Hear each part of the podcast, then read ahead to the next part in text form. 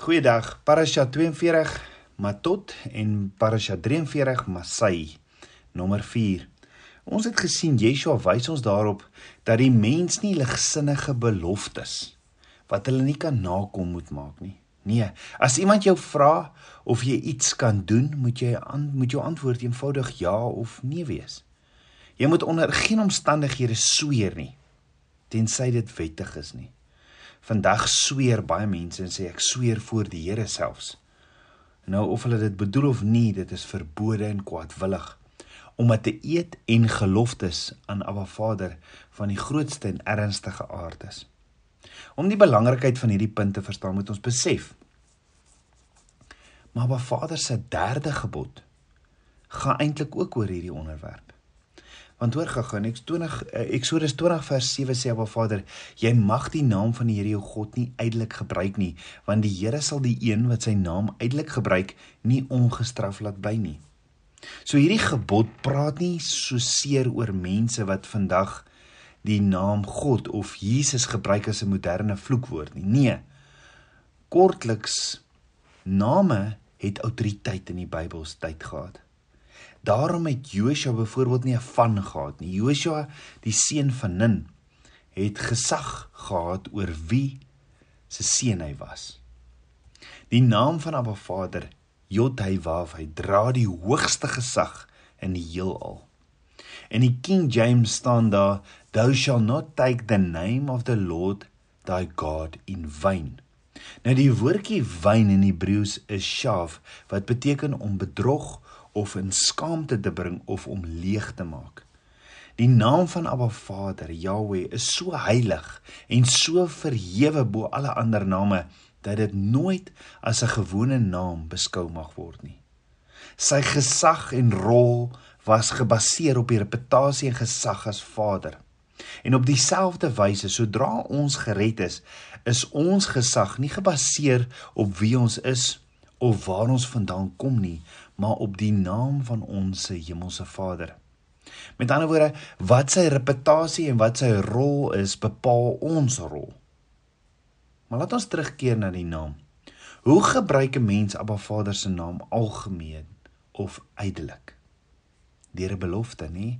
Deur 'n belofte af te lê of deur 'n gelofte of 'n eed te beloof in die naam van Abba Vader en dit nie te onderhou nie, want dan sal jy sy naam leeg en algemeen maak. Met ander woorde, as jy eet in Abba Vader se naam sweer om net aan die ander persoon of selfs Abba Vader te wys hoe ernstig jou eet is. En as jy nie die eed vervul nie, dan het jy die ander persoon mislei, dan was jou eed ter vergeefs of leeg. Dan maak jy Abba Vader se naam waardeloos en algemeen soos enige ander gewone naam. Dink aan hoe ernstig dit is.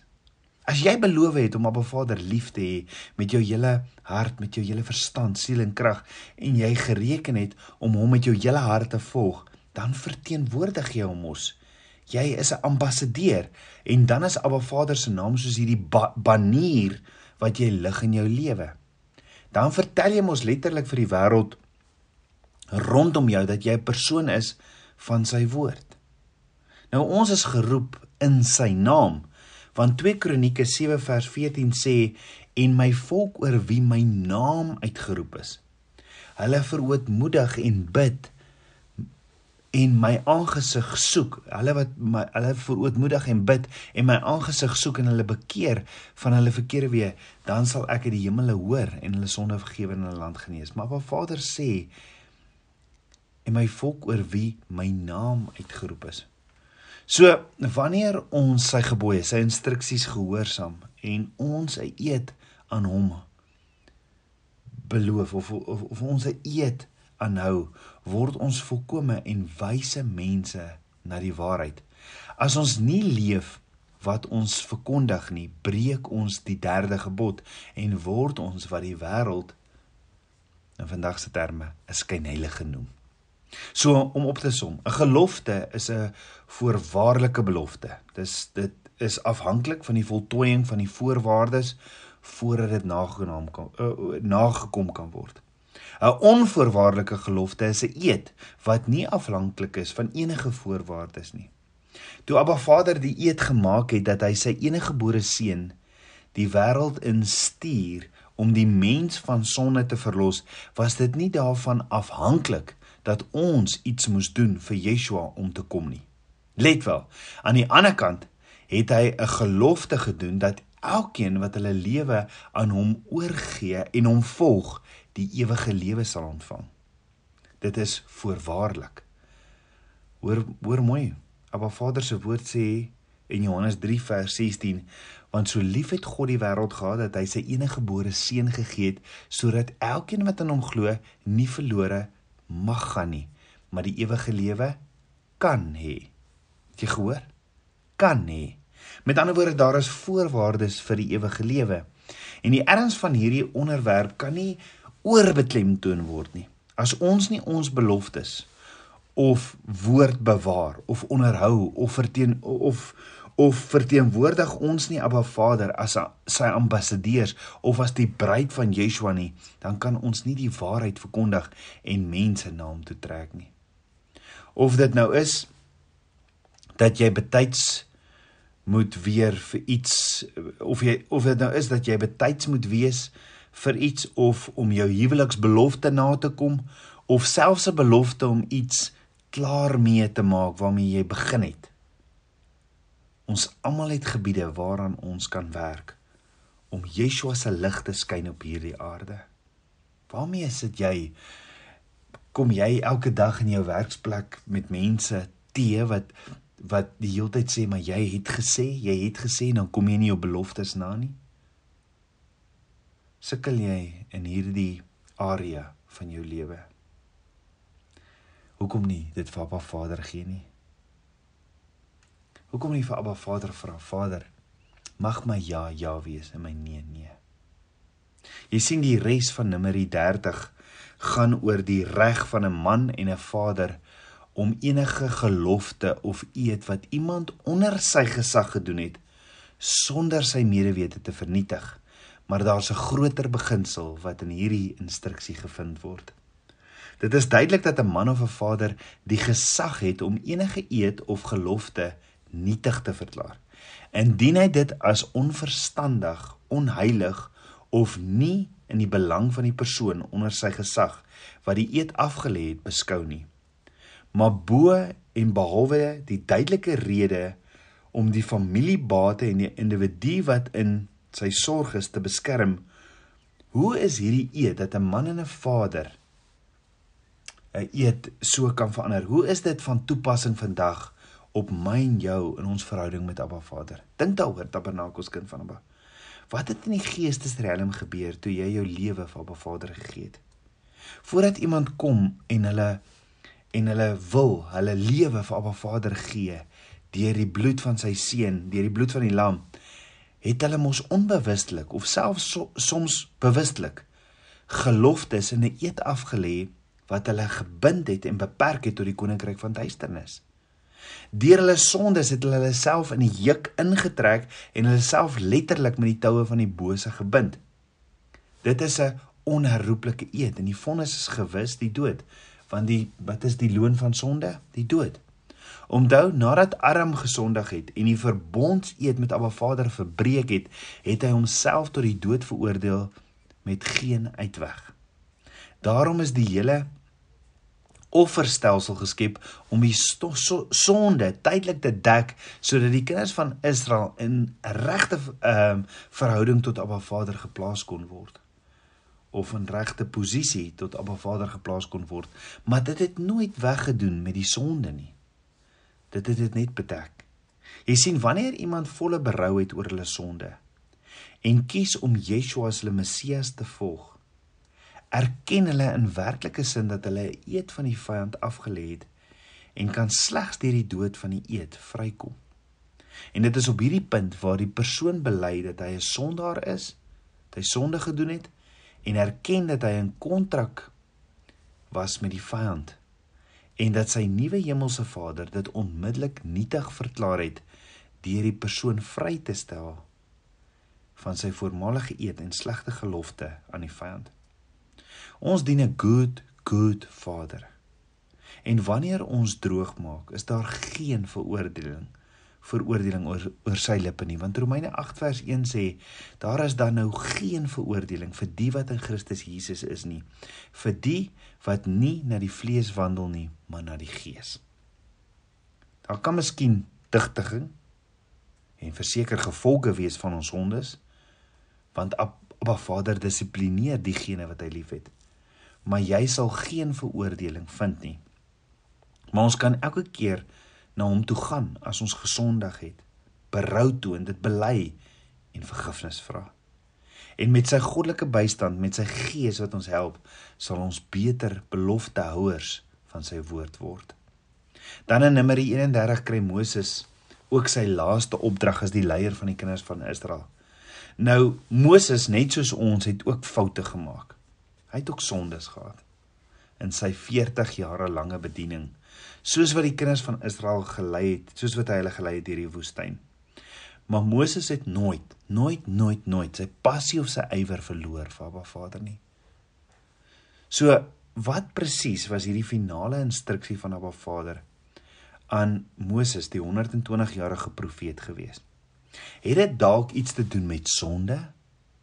Kom ons kyk, want sien, Moses se finale opdrag was nie skryf die boek Deuteronomium nie. Nee, Moses se laaste opdrag was om 'n strydmag te organiseer om mee oorlog te voer teen Midian. Maar Vader sê vir hom in Numeri 31 vers 1 tot 2: "Neem wraak vir die kinders van Israel op die Midianiete. Daarna sal jy by jou volksgenote versamel word." Maar hou in gedagte: Abba Vader is liefde en is nie 'n God wat twisgierig is of 'n of geveg soek nie. Inteendeel, blyk dit dat hy in die meeste situasies 'n afskeid het in oorlog en dat hy nie sy kinders oproep om oorlog te voer nie. Omdat Abba Vader het het alreeds op twee geleenthede die kinders van Israel met 'n omweg, ompad gelei. Spesifiek met die doel om konfrontasie te vermy. Albei situasies is is wat Salomo in die boek Prediker na sou verwys het as die tyd van vrede. Dis nou tyd vir vrede. Maar nou in Moses se laaste opdrag sê Abba Vader gemaak oorlog teen die Midianiete. Let wel, hierdie keer is die heel eerste keer wat Abba Vader die kinders van Israel ooit opdrag gegee het om oorlog te voer. Tot en met nou was die kinders van Israel altyd aangeval deur ander nasies en dan verdedig hulle hulle self net. So hierdie is die eerste keer wat hulle hoor val eerste aan. Dit is natuurlik nie asof Midian nie die kinders van Israel of Abba Vader uitgelok en aangemoedig het nie. Nee. Inteendeel, Midian het 'n sameswering met ander lande en met die profeet van die nuwe wêreldorde probeer om die kinders van Israel te vernietig. Op ten minste twee afsonderlike strategiese planne. So waarom verklaar Abba Vader oorlog teen die Midianiete? Dink gou daaroor omdat die kinders van Israel nie oorlog gevoer teen die Egiptenare nie. Ook het Abba Vader nie gesê om oorlog te voer teen die Amalekiete, die Amori, die Edom, Edomi of die mense van Arad of om selfs 'n oorlog te begin met Moab nie. So hoekom teen die Midianiete? Sê Abba Vader, dit moet julle uit julle lewens uitjag. Hierdie moet weggaan. So waarom was die kinders van Israel se gewone verdedigingsreaksie nie die geskikte manier vir die Midianiete nie. Is dit omdat die Midianiete dalk ver langs 'n familie was? Want onthou hulle is afstammeling van Abraham. Ja, van Abraham en Abraham se tweede vrou Ketura. So hoekom spes spesifiek nou oorlog teen die familie? Hoekom 'n tyd vir oorlog in plaas van tyd vir vrede? Om te verduidelik. Kom ons kyk na wie die Midianiete se histories en profeties is. Maar eers Midian in Hebreëus beteken twis of stryf. Is dit moontlik dat Abba Vader ook hier met ons praat dat hy sê dis tyd om oorlog te voer teen twis en stryf? Maar tog was die Midianiete nêrens in die Torah in 'n gewapende konflik betrokke nie. Maar hulle is later wel in Rigter 6 vers 2. Die Midianiete was nie oorlog sigtiges in die klassieke sin om mense in die stryd te voer nie. Die soort twis wat die Midianiete bewerkstellig het was erger as oorlog. met wapens. So kom ons gaan kyk na die eerste kennismaking met die Anite en waarom Abba Vader wil hê dat hulle gestraf moet word. Waar was die eerste kennismaking met die Midianiete? Die heel eerste keer was in die geskil tussen Josef en sy broers in Genesis 37. Daar staan toe die Midianitiese koopmans verbykom, het hulle Josef uit die put uit opgetrek en uitgehaal en Josef aan die Ismaeliete verkoop vir 20 sikkels silwer. Die Midianiete het hom in Egipte verkoop aan Potifar. Jy sien die Midianiete van hierdie wêreld is gewillig om deel te neem en probeer om altyd voordeel te trek uit die twis van ander. Hulle benut die beledige mense soos Josef van die wêreld en probeer om voordeel uit hulle misdrywe te trek. Abba Vader hou nie van uitbuiting onder sy skepings nie. Jy gehoor Tabernakels kind van Abba. Abba hou nie van 'n uitbuiting onder sy skepings nie. Menslike uitbuiting bring ellende op almal. En alles wat Abba Vader beoog het om te seën en Abba Vader duld nie dit verlang nie. Mag ons ons mag ons ja ja wees. En mag ons nie enigsins betrokke wees by uitbuiting van sy skepings of van enige iemand nie. En mag ons geen twis of stryf in ons dra nie. Kom ons bid saam. Aba Vader, skieper van my hart, Aba ek loof en ek prys U. Vader, was my van enige twis of stryf, uitbuiting. Ah Vader, was my van hierdie hierdie sondes in my lewe en dankie, dankie dat ek U kan nader deur die bloed van die lam. Dankie vir U woord en U liefde. Vader, kom leef U droom deur my. Meer en meer van U. Ek bid dit alles in Yeshua Messie se naam, die seun van Jahweh. Amen. Shalom.